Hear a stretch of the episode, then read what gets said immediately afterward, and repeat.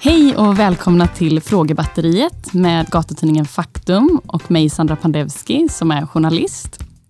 Framför mig har jag 200 ihopvikta lappar med frågor som Faktumförsäljare har skrivit. Frågor som de tycker är intressanta att ställa till människor oavsett vem det är.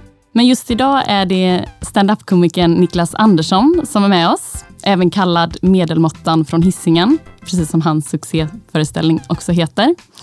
De senaste 15 åren har han sysslat med komik på olika sätt. Det blev årets nykomling på Standupgalan 2012 som han några år senare även ledde tillsammans med Emma Knyckare. Han har turnerat med Badjävlar och medverkat i Släng dig i brunnen på SVT.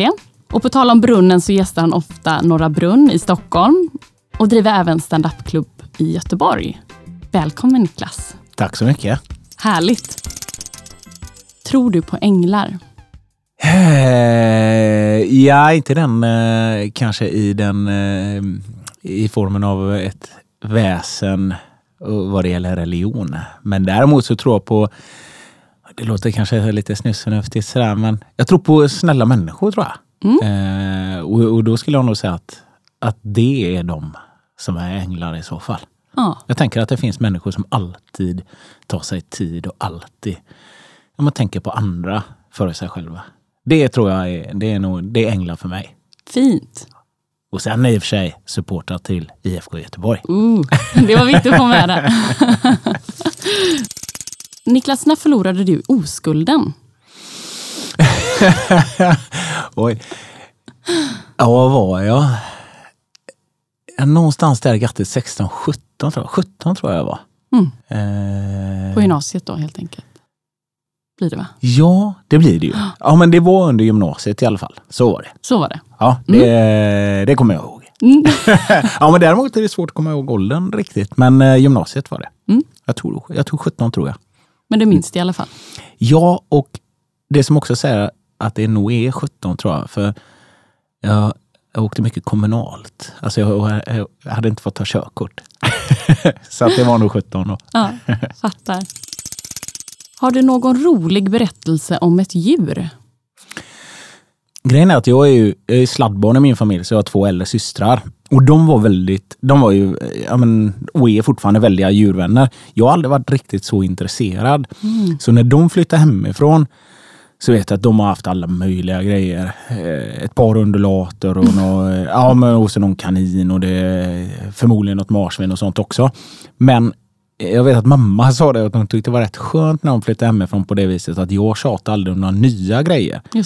Så, eller nya husdjur helt enkelt. Så att det var egentligen undulaten vet jag att var kvar hemma när sista syrran flyttade och eh, eh, vårat, eh, ja kaninen helt enkelt. Mm. Men de eh, jag var måttligt intresserad, så här, men har jag någon rolig berättelse om dem? Nej, det, det, för den är sorglig den. Att ja, men en min... tråkig funkar också, eller sorglig? Är det så? Det funkar. Ja, men då, då, vet jag att jag hade så dåligt samvete för att vi hade lekt med Vimse, kaninen, en hel dag. Jag och Anna-Lena, min eh, kompis och granne.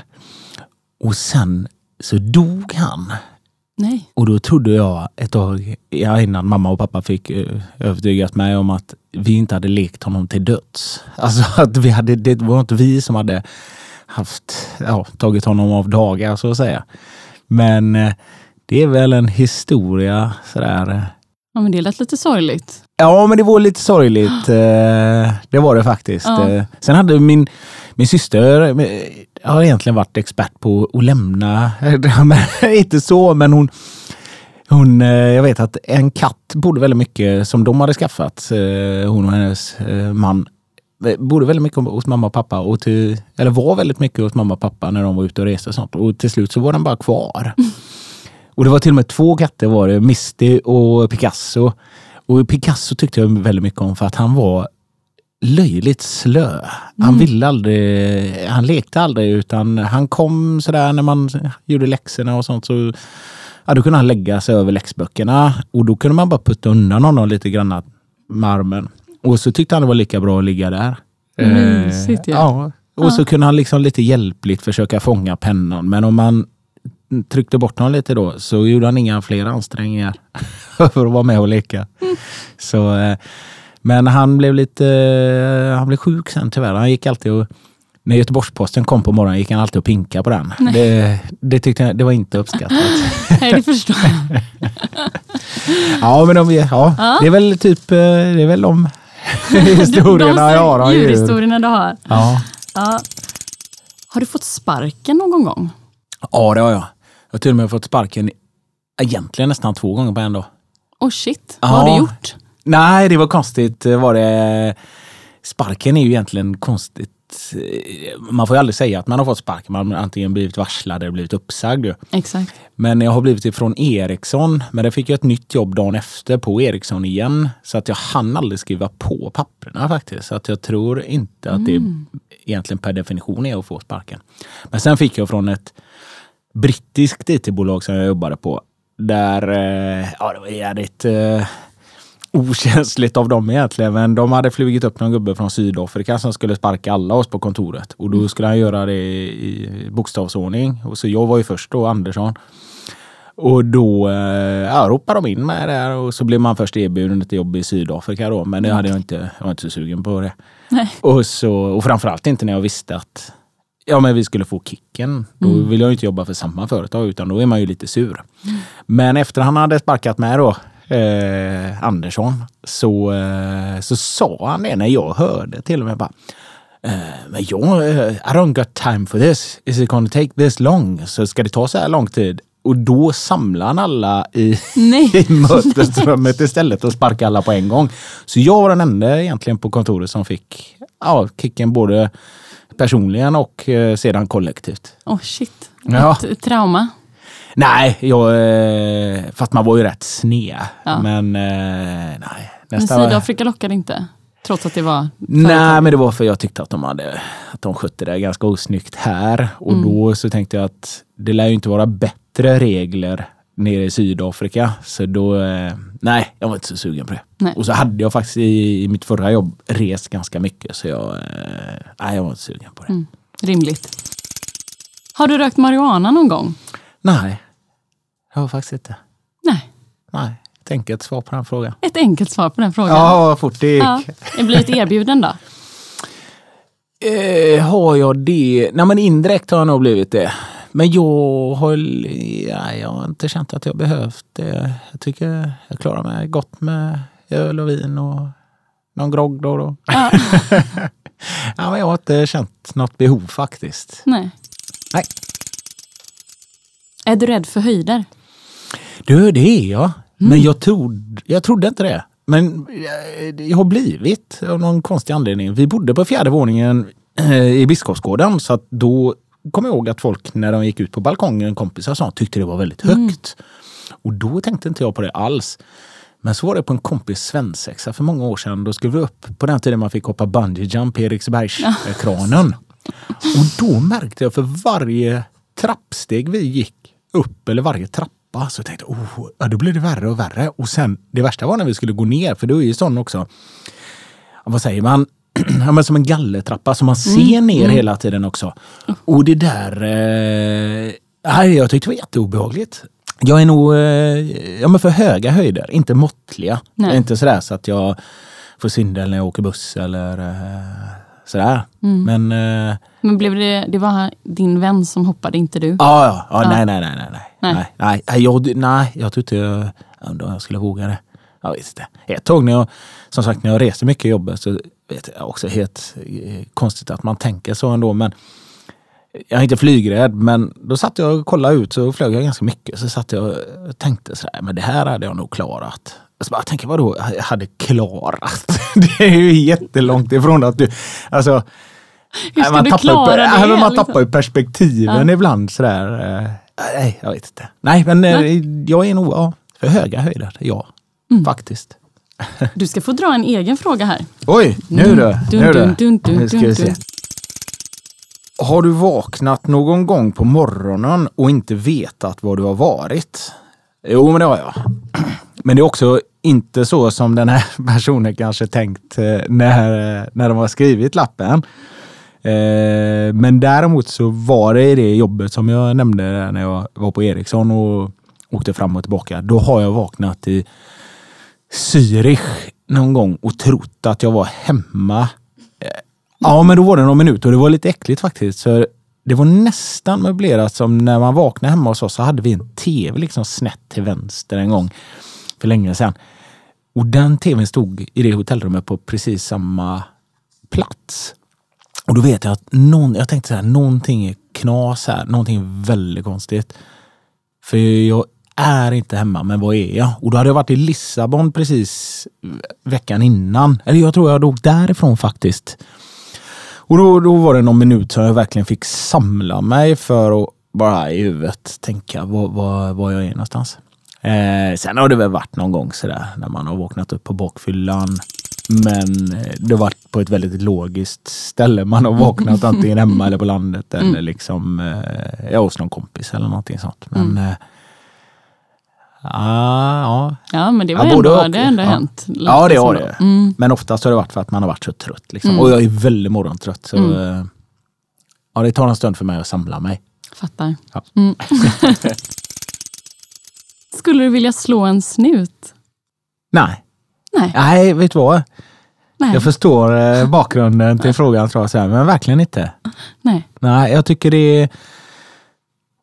Ja, det finns säkert som alla på alla andra ställen eh, folk som... Eh, ja, men idioter helt enkelt. Men eh, jag tycker de... Ja, jag beundrar dem att de orkar alltså. Precis som sjuksköterskorna och allting sånt. Att det så, alltså, så otroligt många olika situationer man ställs inför. Så att eh, nej, det skulle jag inte. 2020, ett makalöst skitår. Räknar du med att det vänder vid nyår? Du är inte ensam. Men man kan aldrig vara nog försiktig. Köp överlevnadskittet, en sprillans ny kalender från Faktum med det du behöver för att överleva alla kriser. Just nu, köp den på gatan eller på faktum.se.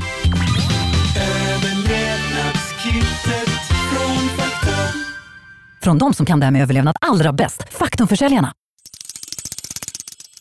Ljuger du mycket? Nej, det skulle... Nej, i, i, grunden är faktiskt... Nej. Jag är lite tveksam kände jag. Nej, men grunden är att jag pratar sanning givetvis.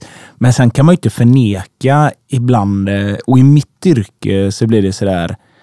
Jag vet hur många som hittar på en, men när man kör standup så här så måste jag säga att faktiskt ja, men 90 procent av mina grejer är sanna. Sen försöker man ju twista till, alltså liksom krydda en sanning så som folk gör med liksom historier de berättar annars eh, också. Men eh, däremot så kan man ju ibland, ja men om man inte Ah, vad slänger han mig? Men det, det är sådär när man inte alltid vill göra grejer eller inte. eh, Jag har väldigt svårt att tacka nej till saker. Ah, Okej. Mm. Men då, ibland för att vinna tid så säger man ju någonting sådär som att, eh, ja men att man inte kan. Men grejen är, jag fattar inte varför man säger att man är upptagen då. Men det kanske inte bara i, i schemat så blir det för mycket. Mm. Och då, är det, då kan man ju faktiskt glida lite på sanningen i alla fall. Då hittar du på lite. Ja. Och sen så de klassiska grejerna ljuger jag ju om också när man är på väg hem och man är sen och eh, man säger att man är lite längre fram. Ja, men jag är väl i Liseberg ungefär. Och så är man egentligen i Kungälv. Ja, kanske inte riktigt så långt bort, men i alla fall så att några minuter. Mm. Ja, men precis. Man här. Ja, men, eh, nej, men annars eh, som grund så väldigt sällan. Väldigt, väldigt sällan. Skönt. Ja, vad präktig jag låter. Men det är så jävla jobbigt med osanningar. För då måste man förhålla sig till en lugn också. Så kommer Ah, man ja, inte ja. ihåg vad man har sagt och sådär. Nej, då är det bättre att eh, vara ärlig. Ja, och, det känns man, det blir för komplicerat. ja, ja, men det blir det faktiskt. Jag tycker det är... Nej, Går du i kyrkan, Niklas? det gör jag faktiskt inte. Jag var i Biskopsgårdens kyrka ja, innan pandemin. Eh, ja, det blir ju nästan ett år sedan i så fall kanske. Jag kommer inte ihåg riktigt när. Nej, vet du vad? Det var någon gång i februari tror jag. Men då var jag på deras kyrkkaffe och pratade med pensionärerna. Mysigt. Ja, jag visar lite bilder. Jag är uppväxt där. Så att, eh, och så handlar ju min föreställning där, Medelmåttan om hissingen, handlar om uppväxten och sådär. Och då hade jag lovat att titta förbi till, på kyrkkaffet där. Det var nog senast jag var i kyrkan. Sen var jag, ja, tittade till pappa i eh, kyrkogården på vid gamla Lundby kyrka. Men det är ju inte att vara i kyrkan. Så senast jag var i kyrkan, det är nog ett år sedan, men innan dess var det jättelänge sedan. Mm. Ja, men ibland så skulle man nog, det är nog ganska liksom, om andra håller på med yoga så skulle man ju ändå finna någon slags ro tror jag i att bara gå in och sätta sig någon gång och Mm. eh, stänga av telefon och allt sådär och bara, bara ta det lugnt. Mm. Det är ju väldigt lugnt och rummet är ju otroligt Ja, det vackert. är verkligen så. Känns också lyxigt när många kyrkor är öppna alltså egentligen sådär, så att man bara egentligen skulle kunna gå in och sätta sig. Jag hittade faktiskt min gamla sån här, när jag konfirmerade mig, så inför den här föreställningen så, hitt, så hade jag liksom någon gammal, en gammal låda med grejer från pojkrummet sådär. Och då hittade jag, för då var vi tvungna att vara i kyrkan och det var tio gånger eller något sånt på gudstjänster. Jag, kan nog eh, av mina anteckningar döma där för man skulle svara på lite frågor egentligen för att bevisa att man var där utan att de tog närvaron och man fick skriva under. Så jag var nog måttligt intresserad såg jag på mina, för jag hade funderat nästan alltid på kyrkfönstret. Ja, var stod så. här, har du några funderingar? Då frågade de nog egentligen om det som prästen hade pratat om. Men då hade jag uppenbarligen suttit och tittat på det här fina kyrkfönstret med kyrkglaset och sånt och undrat vad det var. Ja, Så att eh, det var mer än en gång jag, jag hade funderat på det. i alla fall. I samma kyrka också. Ja, ja Biskopsgårdens kyrka nere vid Vårbergstorget. Ja, ja.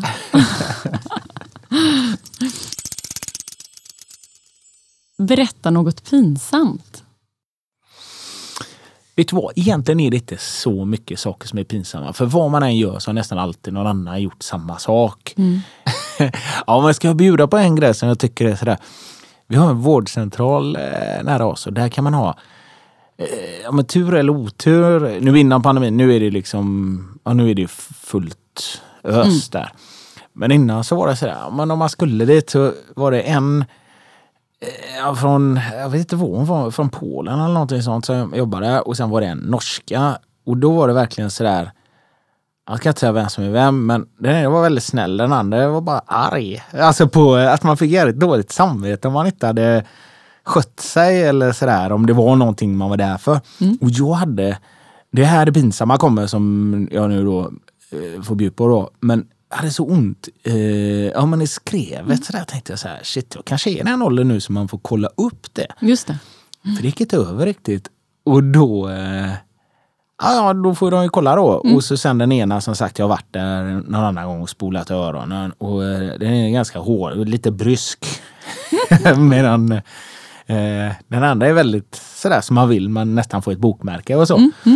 Men, ja men hon, och då så sa hon, ja men då får vi, ja nu kommer man ju fatta vem som är, men då får vi kolla. Ja, okej. Okay. okej. Och då skulle jag ju ta av mig byxorna. Men tänkte jag, det här är ju, så sa jag, ska vi inte dra för? Alltså det var ju på bottenplan där, så, så folk gick ju förbi då. Och där var vi i Slottsskogen, alltså om du vill. ja, men jag skulle nog vilja det. och så, eh, men, eh, ja, och så hörde jag inte riktigt vad hon sa, eller, men jag fick något recept och vad det var. Så de kollar ju liksom inte eh, för sån, eh, ja men kolla ingen prostata Nej. eller prostata eller så. Men eh, det visade sig att det var träningsvärk. så det, det gick över av sig själv så jag hämtade aldrig ut något för jag fattade inte vad hon sa heller, eller jag hörde inte.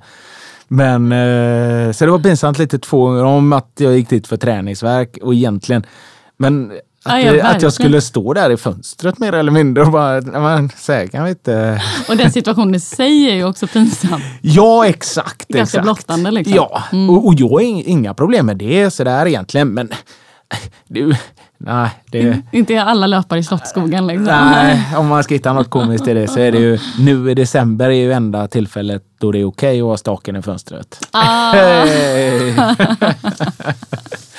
ja, Yay, men där fick du en liten. Där kom jag på, Ja. och så kom jag på en pinsam grej. tack Niklas för den. Den fick du bjuda på. Behöver du prioritera för att få ihop din ekonomi? Eh, ja, eh, det, jo men det måste man väl alltid göra. Men det är på olika nivåer givetvis. Och jag, nu är det ju exempelvis väldigt lite att göra. Nu exakt just nu så är det ett par veckor som är ganska mycket. Men annars höst och, och vår och sånt har verkligen varit Ja men det har varit jättelite jobb alltså. Det har verkligen allting bara försvann. Eh, och då får man ju tänka över det lite grann. Lite grann. Men annars så klarar jag mig och eh, absolut. Och vi är ju två stycken i hushållet och så. så att, eh, men eh, är- jag kan ju inte, absolut inte göra vad som helst och sådär. Men det är ju mycket bättre än när jag pluggar och sådana saker. Och, eh, För då är det verkligen... Jag kommer ihåg att jag, jag träffade min flickvän då hon sa sådär att från början undrade jag lite om du var snål. Men sen fattade jag att det, du hade verkligen inte... Men jag sa det att det var ju de pengarna jag hade när jag pluggade. Alltså det var, så var det en, någon som lånade en hundralapp så var det den hundralappen jag hade tänkt att ha sista veckan liksom för att käka och, och sånt. Så att, eh, eh, nej, det var mycket värre när jag pluggade. Så nu, nu skulle, nej vi lever gott liksom sådär. Eh, inga sådär excesser. eh, Men eh, vi klarar oss. Mm. Mm. Och jag tänker det också sådär, ibland så tänker man att alla har fått det så mycket bättre men så är det ju faktiskt inte om man lyssnar med, med folk och så. Att det är verkligen till att vända på slantarna och, och, och verkligen nu i synnerhet med, med pandemin och Mm. julen kommer och det är svårt att säga nej om man har barn och så gissar jag och allting sådär. Det, Mm. Så att, eh, Ja, och tiden efter pandemin så. ja, och tiden få- efter jul och allting sånt också. Även om man har pengar, Mm. i alla fall så man klarar sig nu så eh, det Nej, det, jag har allt eh, så jag klarar mig. Och ibland tänker man också sådär om man skulle bli ekonomiskt oberoende. Men jag tänker ändå det att man kan inte äta sig mättare än mätt och man kan inte bli fullare än full när man är ute. Liksom, så att, eh, nej, och det stoppla pengar på hög, det tror jag inte heller är riktigt min Mm. grej. Nej. Äter du gärna? Alltså en Gärna med HJ? HJ. Slash udda mat. Nej, jag har varit... Eh, det är väl ett göteborgskt uttryck att man är sjåpig. Men... Eh, Ja, just det. Vad betyder Man är lite sjåpig, man är lite kräsen va? Ja, exakt. Jag exakt. tänker för alla stockholmare som lyssnar här. De horder av stockholmare. Men, eh, ja men jag provar. När jag var liten var jag, då var jag jätteshoppig. Eh, men jag skulle, nej, gärna skulle jag nog inte... Nej, jag hade haft svårt för, eh, svårt för grejer som är slemmiga. Men jag har i och för sig provat ostron, tycker det är, det är inget jag liksom suktar efter. Eh, men eh, sniglar är nog på gränsen. Mm. Insekter typ. Au. Nej, jag tycker nästan det är i och för sig slemmigt och, och även när det krasar är det Oh. lite sådär... eh, Ja, man får lite rysningar nästan. Ja, och gärna... Ibland får man bara tänka, är det värt? Eller var- varför ska jag prova? Eh, jag, jag tänker det är mest exotiska. Jag ätit, jag har ätit känguru någon gång och sen har jag ätit krokodil. Oj, Ja, det var ändå ja på samma ställe upp. faktiskt. På en australiensisk restaurang i, i Schweiz. Och alla där. Så det var lite konstigt. Men eh, De hade fått dit känguru alltså. Ja, ja. Men känguru, det, det kommer jag ihåg att det var bara som torrt kött. Eh, och eh, krokodil var eh, lite som nästan torsk. Lite slimpig har jag för mig. Eh, men nej, gärna skulle jag nog, jag skulle nog hoppa över det. Mm. Faktiskt. Jag Jag, jag, får då såna här Indiana Jones-vibbar. var en sån en gammal Indiana Jones var när det var aphjärna de nej, skulle men- käka. Och då var det ur apskallarna också, ur själva kraniet. Ah, fy Ja. alltså. Ja, Ja, nu får vi gå vidare tror jag. Nej, innan man och- tappar ja, och det det finns nu. många Ja. sådana här. Jag har ju kompisar sådär som... Eh, eh, nej, men I deras hemländer där, det, det, det får testiklar, alltså det, det äter man. Och Mm. det... eh, Nej. Och jag, jag tänker att jag inte heller aldrig provat surströmming och kommer förmodligen inte göra det heller. Mm. För att, men det är ju för att det är så jävla äckligt. Ja, nej, men det, jag åt det faktiskt första gången nu i, i augusti var det. Eller september eller vad det nu var. Och det var den doften, den satt i alltså i Ah. ett dygn i mig. Jag kunde inte and, alltså när jag andades genom, ut genom näsan så kom do, äh, det, var, det var bara Och kan man ens hela jag om osade den här smaken. I och med att det luktar så illa så, så kan man ju liksom inte säga om det var gott eller äckligt. För då det, skulle man egentligen bara bedöma konsistens nästan ju. Ja. Ja, jag vet inte, jag, jag var lite tagen av det här. Men de Ja. runt bordet åt, alltså, Ah, de älskade det alltså. Men de var ju mer uppvuxna med det. Liksom. ah, Mm. Nej, nej. Man får nog... nej. Nej, don't recommend. Men man tänker ju också sådär på att det är lätt att fördöma andra för vad de äter ju egentligen. Eh, för ja men det, mm, ja, Verkligen. det, ja men det är exemplet som ligger närmast till hands. Alltså, ja men teorin är ju att det är någon som har käkat fladdermus och så Mm. blev det liksom ja, pandemin. Men eh, det kan ju vara som kräftskiva hos dem. Jag har ingen aning. De kanske tycker att kräftor också är konstigt att äta när vi sitter och suger ur hjärnan där. Mm. I och för sig, där är ju faktiskt någonting där man äter. Jag ska inte säga att jag sitter och suger ur kräfthuvudet. Men däremot så äter jag nog det som är där uppe tror jag faktiskt. Så att eh, nu, nu äter jag gärna kommer jag på. ja, Ja. Har du någon gång blivit misshandlad i en relation? nej, nej. Det var ett enkelt och kort svar. Nej, Nej. nix. Har du något ändamål som du stödjer regelbundet? Eller Ja. skänker pengar till så att säga? Ja, det har jag ett par stycken faktiskt. Eh, dels har vi ett fadderbarn eh, i Kambodja. För vi har haft ett par stycken där. För de blir ju äldre allt eftersom. Och, ja, de flyttar vet jag också som inte där. Jag kommer inte ihåg om de inte behövde hjälp längre eller om det var så att där hade de ingen verksamhet. Sen är vi världsföräldrar också. Så eh, genom eh, Unicef. Mm. Och sen stödjer jag ett eh, eh, flickhem i Kenya. Mm. Eh, som också är ja, månatligen blir det. Ja, jag betalar varje kvartal men det är en månadspeng det blir. Mm. Så att eh, ja, ett specifikt fadderbarn och sen världsföräldrar och sen så det här flickhemmet i Kenya. Då. Mm, då kör vi två till här. Du Ja. kan få dra näst sista då. Ska jag dra näst sista? Mm. Oj, oj, oj. oj. Vi Och du tar, rotar runt. ja, tar från botten där. Det är roligt också för man, det, är- när man ser för det finns en innebörd eh, liksom här. Då, för då är oftast, eller jag tänker att då har de funderat på de här sakerna själv. Mm. För det här är definitivt en sån fråga. Vad är din inställning till döden? Mm. Ja. Det, det, det, ja, det här låter ju jättekonstigt egentligen, men jag har egentligen inte haft någon relation sådär till vad som hände med min, efter min egen död. Eh, Jag vill ju alltid tro exempelvis att eh, min pappa, som det är ganska många år sedan nu han gick bort, men att han alltid är med. Mm. Eh, så vill jag tycka och tänka och tro och känna också sådär. Och, ehm, men han är ju, jag är ju en, alltså han är ju en del av mig.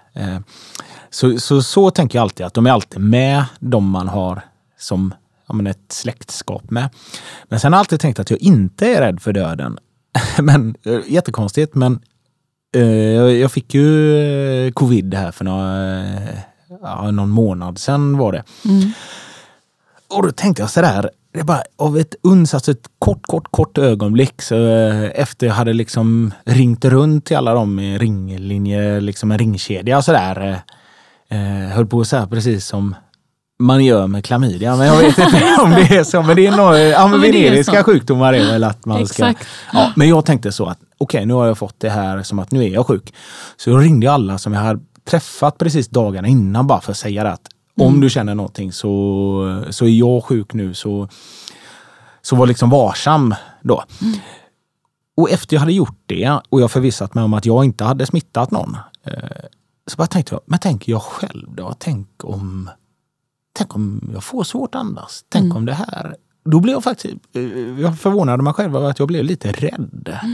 Så jag är inte rädd för efter döden, men däremot kanske på sättet man dör. Mm. Så skulle jag nog Ja, men jag kan nog känna eh, en stor respekt för om jag dör av ålderdom så fine. Mm. Men om det skulle vara en sjukdom och sådär, det, det har man ju sett att ja, men folk, det är, folk lider ju alltså och folk i, i ens eh, närhet blir ju också, ja men lider ju också då. så Ja, att, verkligen. jag, jag har nog faktiskt Mm. mer respekt för döden än vad jag trodde. Och innan så har man ju varit givetvis eh, yngre också och varit ganska odödlig och så. Men eh, Mm. jag kommer liksom aldrig spela juniorhockey. Eller liksom junior, jag har aldrig spelat hockey, men fotboll och handboll och allting sånt. Så, och jag, jag har pratat om det med kompisar också, att man kommer ju aldrig vara lovande längre Nej, i någonting. och innan när man kollar fotboll och sånt så alla Ja, men när man var yngre så var ju folk äldre och man tänkte att jag, jag kan också bli nästan lika Ja. bra. Och sådär. Men ja, det är ju för sent Det är för sent att spela i Premier League. så, eh, men ja, jag har nog faktiskt lite respekt för döden måste jag säga. Men du sa att du inte är rädd för tiden efter döden. Hur menar du då? Nej, men jag, jag tror liksom inte... Jag är inte rädd för att jag kommer hamna i onåd eller liksom i helvetet eller Nej. någonting sånt. Eller att eh, jag får sona mina brott på något sätt. Sådär. Det är jag inte rädd för. Men kanske sättet jag dör på. Mm. Alltså att döden i sig, men inte livet efter. Nej. Men vad tror du händer då? Jag kommer vara jättetråkig när jag säger detta, men jag tror inte det händer något. Nej, jag, Nej. jag tror nog inte det. Jag tror på något sätt att det är upp till dem som är kvar och säga vad mitt liv blir efter döden, liksom så som man blir ihågkommen och så. Mm. Så Mm. jag tänker nog ändå att man, ja men lite karma sådär, att man, Mm. det får vara, folk behöver inte vara ledsna, men man kan ju ändå komma sig ihåg fint på något sätt. Har du några syskon? Ja, Ja, men det har jag. Ja. Ja. jag har två äldre systrar. Så jag är sladdbarn, rejält sladdbarn också faktiskt. Tror, vad dåligt, men eh, att jag, kom, jag tror att det är 12 år till min äldsta syrra. Ja. Eh, Så att eh, jag är alltid, och så var jag ju enda jag har ju alltid varit pojken i familjen. Och det är pojken, sa alltid pappa när man ringde. Och, och då var man ju som sagt, och så minstingen då. Mm. Så att eh, mina syrror är äldre, eh, 12 och kanske 15. Någonting Åren. sånt. Ja, det är Ja. något sånt. Men Har ni en bra eh, relation? Ja då, absolut, absolut. Eh, så eh, jo, men vi firar jul och sånt. Och, eh, sen ja, senast på vägen hit faktiskt så var det min äldsta syster som då försökte vi göra upp jag ska upp och ja, men, lite saker för mamma helt enkelt. Så att, eh, och då undrar hon när, för ifall jag kunde lämna några jackor till någon på vägen och sådär. Och sen så min andra syrra var det klassiska nu då. Ja, hon kommer skicka en lista för eh, vem som lagar vad till julen och sådär. Så att, eh, jo då, vi har en bra relation. Och väldigt skönt också i och med att våra mamma är 92 och bor själv sådär. Oj. Så att vi, eh, ja, men vi är nog bra på olika saker tror jag. Så att vissa saker gör jag och vissa saker gör eh, någon av mina andra syrror. Sådär. Så att, ehm, eh, det är ju skönt att ha syskon så. Och, eh, jag tror också lite grann på något sätt, jag vet inte om ett tag var det ju nästan som man hade tre mammor sådär på att eh, nej, men de, man var ju nästan var en mer avancerad docka när man var liten för dem då i och med att jag kom så mycket senare.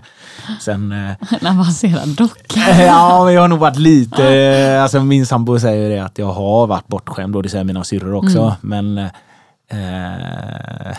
jag kanske inte riktigt vill erkänna det. Nej. Men eh, ja, men det har alltid funnits Eh, eh, saker kvar i skafferiet till skillnad från mina kompisar då när de var syskon som var närmare. Och jag vet en kompis till mig, han stod och halsade i huset och sa annars finns det inget kvar imorgon. Ja, ja, ja. och då, eh, medan det, om pappa tog eh, någon fralla så där kommer jag ihåg. Och då sa mamma, det, ja, men ta inte fler, det är pojkens. Och då, då skulle de vara kvar till mig. Då, Ja, det eh, låter lite bortskämd. Ja, men lite grann kanske. Lite grann. men eh, jag har två stycken systrar. Ja, fint. Tack så mycket för att du var med Niklas. Tack själv, tack själv. Det var Ja. väldigt roligt. Ja, Ja. härligt. Gott nytt år alla. Ja, gott nytt år på er. Ni har nu lyssnat på gatutidningen Faktums podd Frågebatteriet. Detta avsnitt är inspelat av Daniel Medin på Ljudbyrån i Göteborg. Och musiken den är producerad av Joel Eriksson. Och skulle det vara så att just ni vill sponsra vår podd eller ha andra frågor så är det bara att kika in på faktum.se. Ha det bra och gott nytt år!